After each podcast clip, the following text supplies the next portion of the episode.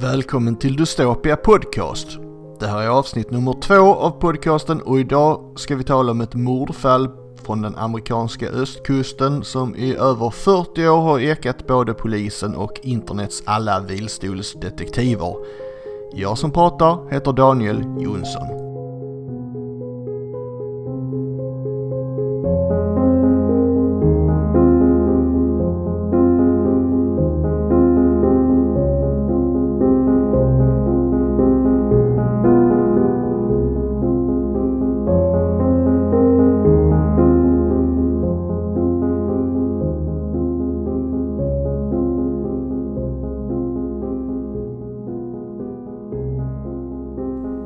Här gamla glömda mordfallet har jag pysslat med i snart tre månader nu. Jag skrev en längre artikel om saken och den har i princip bara legat i pipelinen nu under säkert en månads tid i väntan på att släppas på sajten.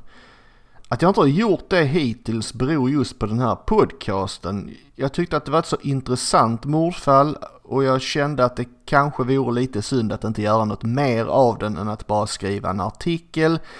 Det finns en hel del material om fallet och man behöver inte googla särskilt länge för att hitta både teorier och bildmaterial och andra artiklar om saken. Så att bara släppa ännu en artikel i högen kändes lite meningslöst.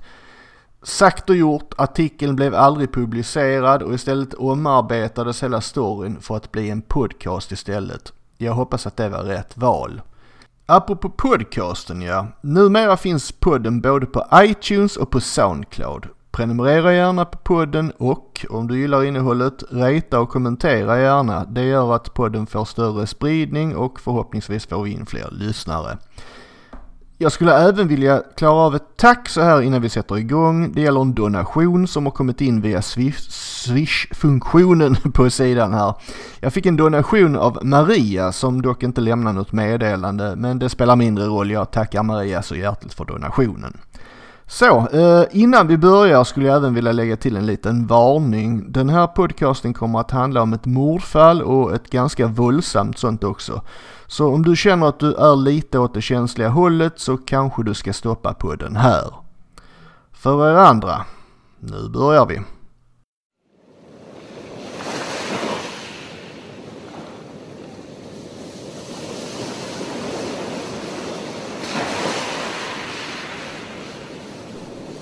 Det var fredagen den 26 juli 1974. En 13-årig flicka var ute och gick med sin hund längs stranden vid Race Point Dunes i närheten av Provincetown i Massachusetts. Strandremsan ligger precis på den nordligaste toppen av den halvö som kallas Cape Cod på den amerikanska nord nordostkusten. Området är fläckvis bevuxet av vegetation och det är inte alls ovanligt att det finns små bryn av hagtornsbuskar och lägre barrträd där. I skuggan av ett sånt bryn låg en kvinna. Kvinnan var naken. Tonårsflickan tyckte att det var lite märkligt att kvinnan låg så stilla och så obekymrat och visade upp sig och eftersom det finns en liten väg precis intill där människor kommer och går lite då och då så, så, så reagerade flickan.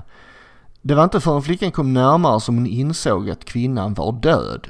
Kroppen verkade ha legat där ett tag eftersom förruttnelsen av kroppen hade tagit fart ordentligt i sommarvärmen. Hela likets ansikte var i stort sett helt bortätet av de myriader av insekter som hade låtit sig väl smaka av det smörgåsbord som en exponerad död kropp utgör, framförallt mitt i sommaren. Kvinnan var vid sin död mellan 25 och 40 år gammal. 168 cm lång och hon vägde 67 kilo. Hon hade varit frisk och vältränad och med låg andel kroppsfett. Hennes kopparröda hår hade varit uppsatt i en löstofs i nacken med hjälp av en svart hårsnodd med gyllene inslag. Hennes fötter var välskötta och tånaglarna var målade rosa. Hon låg på mage på en grön badhandduk av lite tjockare modell, en sån där som var vanlig att ta med sig ut på stranden förr i världen, som säkert kanske är det fortfarande.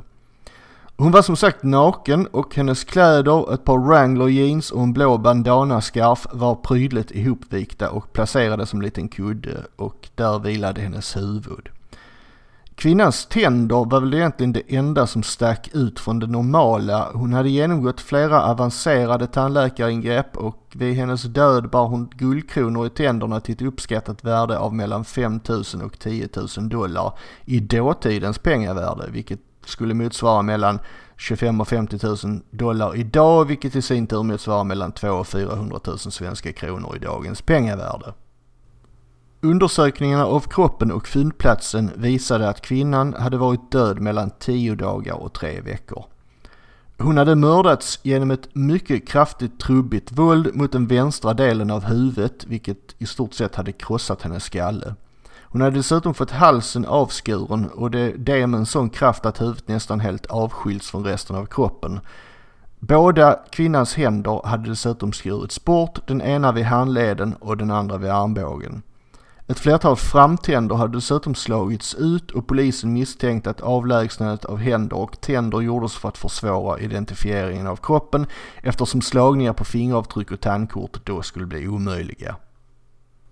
Det fanns även tecken som tydde på att kvinnan hade utsatts för sexuellt våld, möjligen efter dödens inträde och troligen med en bit trä av något slag, kanske en pinne eller en del av en trädgren. Kroppens positionering var också intressant i sig eftersom den vilade på ena halvan av ett större badlakan. På den andra halvan fanns avtrycket av ytterligare en kropp som legat där, vilket gjorde gällande att kvinnan inte hade varit på stranden ensam. Brottsplatsen hade heller inte blivit förstörd av väder eller vind utan man verkar ha haft lite tur i oturen där. Två uppsättningar fotspår, ett par mindre som tillhörde kvinnan och ett par större som tillhörde en okänd person, syntes i sanden och avtrycket på filten hade gjorts av en kropp som var större än kvinnans. Det fanns dessutom däckspår i sanden en liten bit bort efter en bil som kommit, stannat vid vägkanten och sedan åkt därifrån. Det kan givetvis vara någon som har smugit upp bakom kvinnan när hon legat och sovit i solen men det kan lika gärna vara så att hon hade en kompanjon eller en partner med sig där ute i strandbrynet. Det var i stort sett allt man lyckades få reda på. Kvinnan hade inga identitetshandlingar på sig och kroppens skador och dess exponering för klimat och insektsliv hade omöjliggjort identifiering så kvinnan bokfördes helt enkelt som en så kallad Jane Doe, alltså en oidentifierad kvinna. Kroppen lades till den sista vilan på kyrkogården i Provincetown under en gravsten som helt enkelt löd Unidentified Female Body. Hon kom emellertid att kallas The Lady of the Dunes både i folkmun och det polisarbete som följde. Så, nu satt man alltså där med en död kvinna som man inte visste identiteten på en gärningsman som man heller inte visste identiteten på och man visste inte ens om det handlade om en man. Man kan ju bara anta det eftersom fotspåren i sanden och avtrycket på badhandduken hade varit efter en person som var mycket större än den mördade kvinnan. Men faktum är att man inte riktigt vet. Eh, man gick igenom tusentals olika fall som handlade om försvunna kvinnor utan att hitta någon enda person som passade in på den döda kvinnan med rimlig tillförlitlighet. Men trot eller ej, utredningen slutade inte där. Provincetowns polischef Warren Tobias tog ärendet till sig och han beslöt sig för att kvinnan skulle begravas utan huvud. Skallen sparade han och förvarade stående på sitt skrivbord som en konstant påminnelse på att inte glömma bort fallet. Det här är ju lite åt det morbida hållet och jag kan ju tänka mig att ett sånt förfarande inte hade funkat idag men det var ett litet polisdistrikt och man skötte sig själva och det var ju trots allt på lite mer släpphänta 70-talet. 1979 försökte Warren Tobias med hjälp av skallen som han nu hade förvarat på skrivbordet i fem år få fram kvinnans utseende. Detta genom att låta skallen genomgå en så kallad forensisk ansiktsrekonstruktion. Man har under ganska många år nu kunnat modellera fram en ansiktsmodell bara genom att utgå från skallens form och dess olika upphöjningar och försänkningar. Vi har på, bara på senare år sett intressanta ansiktsrekonstruktioner av både musslik och kända historiska personer.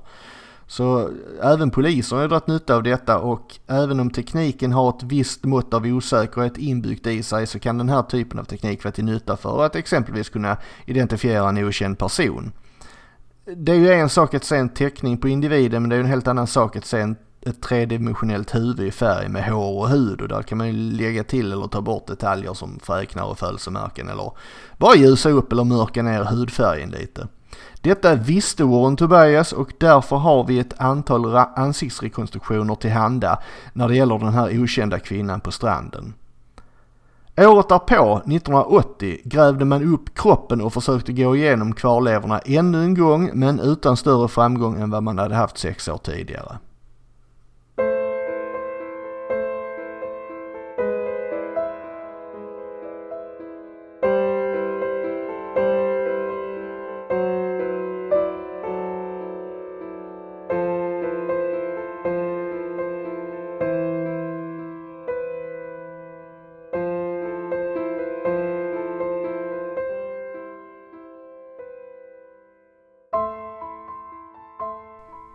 Under åren som har passerat så har förslagen på vem kvinnan kan ha varit givetvis varit många och många är också de som har trätt fram och hävdat att de har känt kvinnan.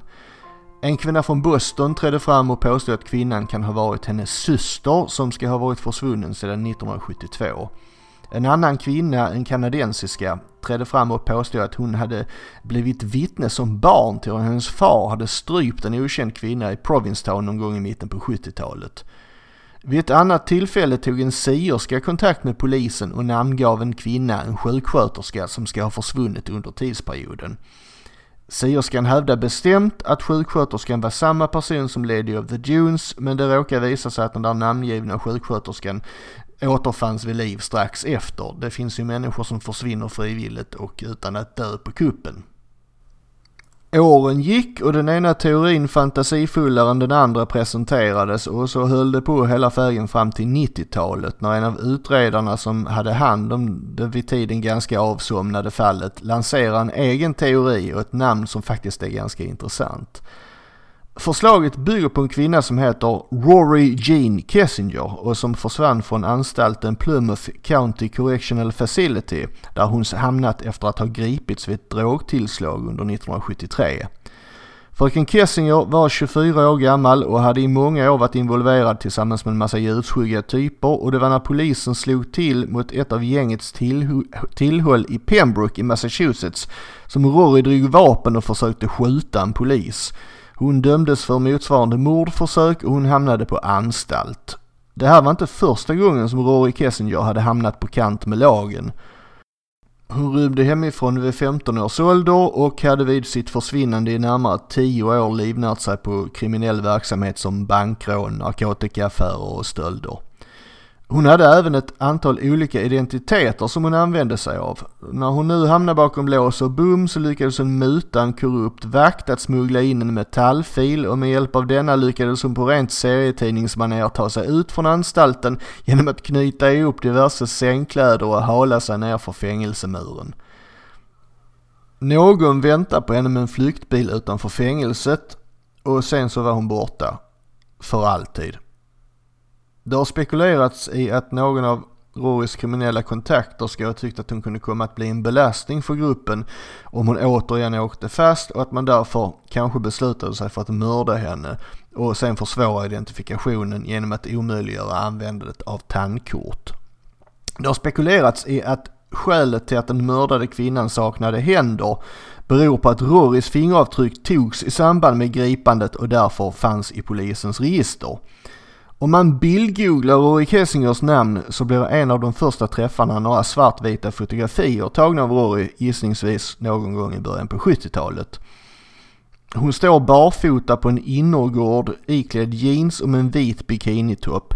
På den ena bilden skrattar hon och på en annan bild, tagen vid samma tillfälle, gör hon sitt bästa för att se hårdkokt ut. Hon bär en viss likhet med de ansiktsrekonstruktioner som finns av Lady of the Dunes och hon var i rätt ålder och med rätt kroppsmått. Den forensiska utvecklingen har gått framåt och möjligheten att identifiera människor genom DNA hade vid millennieskiftet blivit så utvecklad att man beslöt sig för att ge sig på teorin om Rory Kessinger. Den okända kvinnan på strandens kropp grävdes återigen upp och man extraherade benmärg från skelettdelarna. Rory Kessingers mamma spårades upp och bidrog med DNA och sen kollade man om man fick träff. Det fick man inte. Vi kan alltså vara säkra på att även om vi inte vet vem Lady of the Dunes var så hette hon i varje fall inte Rory Kessinger. Så långt gällande de potentiella identiteterna av mordoffret. Men har vi några potentiella gärningsmän då? Ja, vi har ett par stycken. Eh, den första som jag tänkte ta upp heter Haddon Clark och han erkände faktiskt mordet på kvinnan på, på stranden. Eh, grejen är att han redan hade mördat en sexårig flicka och en 23-årig kvinna 1992 och han avtjänar därför ett 30-årigt fängelsestraff för mordet som i detta fallet eh, han uppenbarligen har gjort.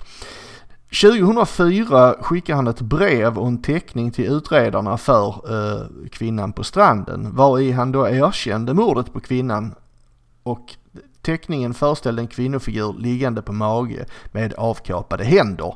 Hadden påstod att han visste vem kvinnan var men att han valde att behålla det för sig själv som straff för att myndigheterna vid tidigare tillfällen hade behandlat honom ovärdigt. Han skrev även i brevet att det ni söker ska finnas i trädgården till min farfars hus. Farfadern hade nämligen ägt ett hus i området under 70-talet. Vad det nu skulle vara som eftersöks är osäkert. Möjligen kan det vara benresterna av händerna och tänderna som saknades. Men i övrigt så var ju kvinnan på strandens kropp intakt så jag är inte helt hundra på vad han menar här. Men polisen letade i alla fall upp farfaderns hus och man var där och grävde lite halvhjärtat men man hittade ingenting. Man tog inte Haddens erkännande på särskilt stort allvar för han var känd som lite annorlunda i sin hemstad innan han greps och han lider av paranoid schizofreni.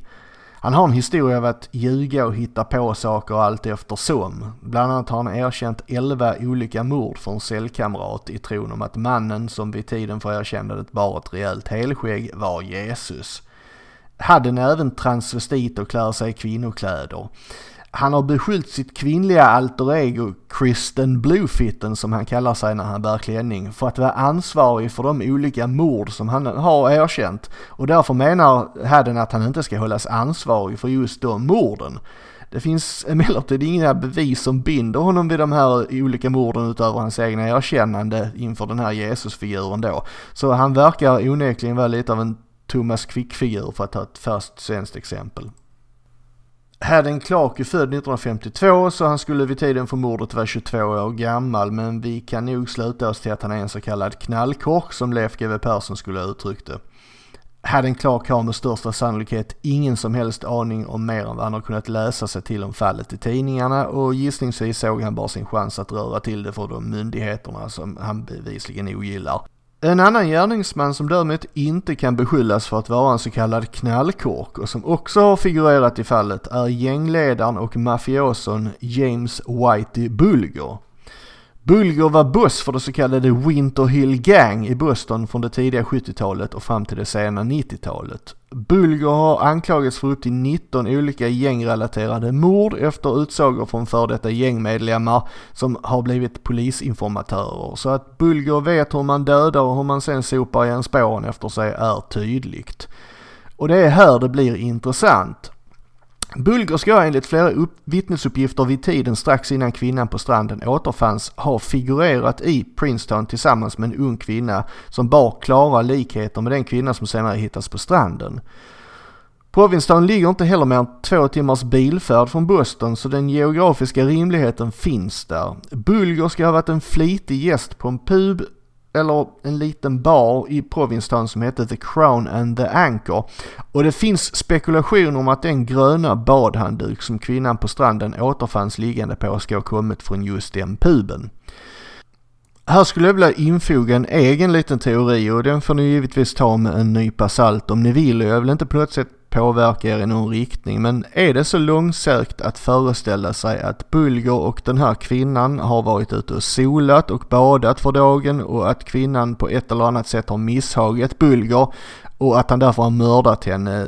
Kanske har han planerat det sedan tidigare, kanske är det i stundens vredesmod över någon skitsak. De ligger där på badhandduken och han blixtrar till och slår henne i skallen en eller flera gånger och hon dör. Här kickar hans erfarenhet från sina många år som yrkeskriminell mafioso in och han vet hur han ska hantera kroppen för att försvåra identifikation. Han har inte med sig något annat än en mindre kniv och när han först försöker skilja huvudet från kroppen för att försvåra identifikationen med tandkort så går inte det. Därför nöjer han sig med att slå sönder hennes tänder, kanske med en sten eller kanske med, med eh, baksidan av kniven. Ett förfarande som man vet att Bulgarens gäng tidigare har använt sig av när de har velat försvåra identifikationen av andra personer som har fallit offer för gänget. Därefter använder Bulger kniven för att avlägsna händerna på kvinnan så att det inte ska gå att ta fingeravtryck på henne. Här passar han även på att ta med sig en eventuellt plånbok eller handväska så att det inte ska ligga någon ID-bricka eller något körkort kvar och skräpa. Bulger och hans gäng sysslade utöver sina övriga skumraskerier med så kallad human trafficking, alltså import av kvinnor som senare hamnade i prostitution. Det har spekulerats i att kvinnan på stranden kanske inte ens var från USA. Kanske kom hon utifrån någonstans och hade fångat Bulgers intresse och som den boss han var så tog han henne för sig själv. Det skulle förklara att en så pass ung kvinna hade så avancerade och framförallt dyra tandlagningar. Någon annan än hon själv, kanske Bulger, rustade upp hennes tänder, kanske i syfte att behålla henne som hustru eller älskarinna eller någonting. Men så gick någonting snett och han slog ihjäl henne.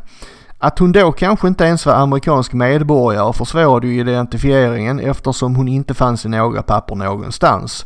Det här var på 70-talet och således långt innan datoriserade register som samkördes. Hade kvinnan försvunnit från ett annat land och kommit till USA i, låt oss säga ett containerfartyg så visste ju ingen utom den så kallade importören, alltså Bulger och hans gäng, var hon härstammade ifrån. Ja, det är en spekulativ teori men jag känner personligen att den är betydligt rimligare än de fantasier som Haden Clark presenterade. Men som sagt, det är bara en personlig teori och jag tyckte att den passar bra när jag ändå läste om Whitey Bulger. Bulger själv har inte gjort några som helst medgivande om saken men det har han å andra sidan inte gjort om särskilt mycket annat heller. Idag är Bulger 87 år gammal och sitter inlåst på en State Penitentiary i Florida och där kommer han att stanna under de år som återstår av hans liv. Så vad gäller Whitey Bulger är det inget annat än rena spekulationer vi har att jobba med men, men förvisso rimliga spekulationer men likväl bara spekulationer.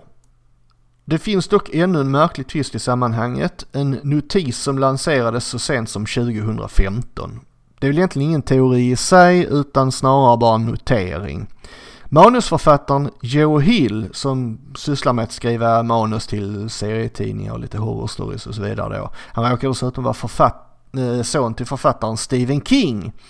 Eh, läste under sommaren 2015 en bok om fallet med kvinnan på stranden. Några veckor efter att han hade läst klart boken närvarade han på jubileumsvisningen av Steven Spielbergs blockbuster Hajen. När filmvisningen kommit en bit in i filmen så ser man en större folkmassa. En av de statister som håller sig till vänster i bild, en kvinna, är märkligt lik den kvinna som senare skulle komma att hittas på stranden vid Race Point Dunes. Kvinnan i filmen är runt 165-170 cm lång, har kopparrött långt hår som är uppväxt med en blå scarf av bandana typ och hon har en ljusblå t-shirt och blå jeans. Joe Hill reagerar på kvinnan och åkte hem och började titta igenom scenen igen hemma på sin egen TV. Likheten var verkligen slående. En annan slående sak är filminspelningens egen tidslinje. Filmen Hajen spelades in sommaren 1974 i Martha's Vineyard i Massachusetts. Om man kikar på Google Earth ser man att avståndet mellan Martha's Vineyard och Provincetown inte är särskilt långt. Vi talar om ett par timmars bilfärd, tre kanske. Det är alltså inte helt uteslutet att kvinnan som befann sig i området kan ha dykt upp som statist på filminspelningen och råkat fastna på film i samma veva som hon något senare blir mördad.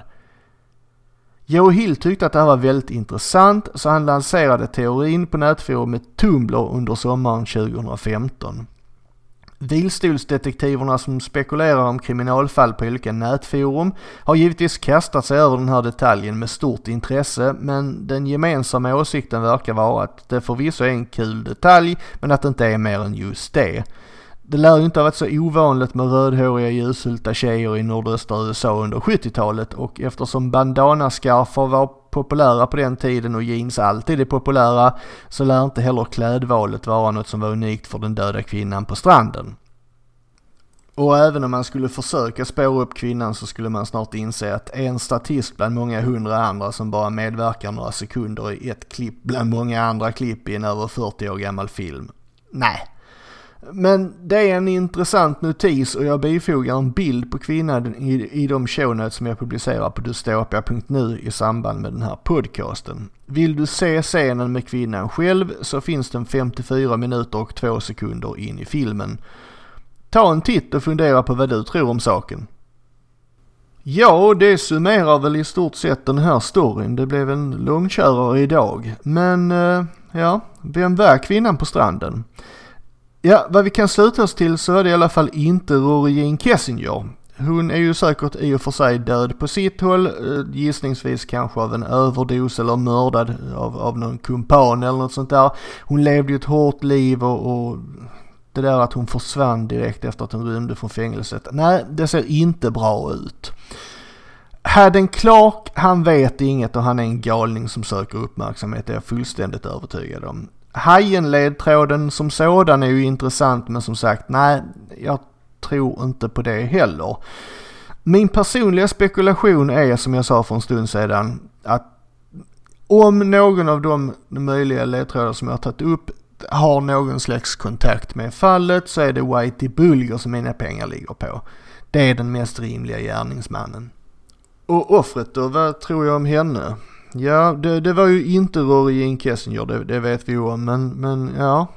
Om det finns någon som helst kontakt med eh, Whitey Bulger så ligger det väl lite i farans riktning att det var någon slags prostituerad, någon slags, eh, ja kanske en, en tjej som kom utomlands ifrån som, som eh, via någon containerfärja hade, hade hamnat i USA på mer eller mindre oklara grunder och som helt enkelt ingen saknade. Det är väl det är lite det som är den springande punkten i många sådana här fall, att, att de som aldrig klaras upp, det var de som aldrig saknades. Så att ja, finns kontakten med Whitey Bulger så, så tror jag att det kan vara någon som inte hemmahörde i USA.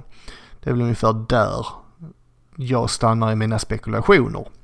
Det här fallet har varit jätteroligt att titta på och som jag sa i inledningen av podcasten så kände jag att jag hade inte riktigt kunnat gjort det här fallet rättvisa om jag bara liksom hade skrivit en artikel. Den hade blivit lång som sju ösregn och nej, det blev nog så här i in hindsight som de säger så var det nog ett bra val att försöka göra en podcast av den också. Jag hoppas att du tycker detsamma. Du har lyssnat på en podcast från dystopia.nu. Känner du att du vill stödja arbetet med sidan och podden så skulle jag vara oerhört tacksam ifall du ville donera en krona eller två. Du hittar uppgifterna på dystopia.nu donera. På våra sociala medier heter vi Dystopia nu. Tack för att du har lyssnat.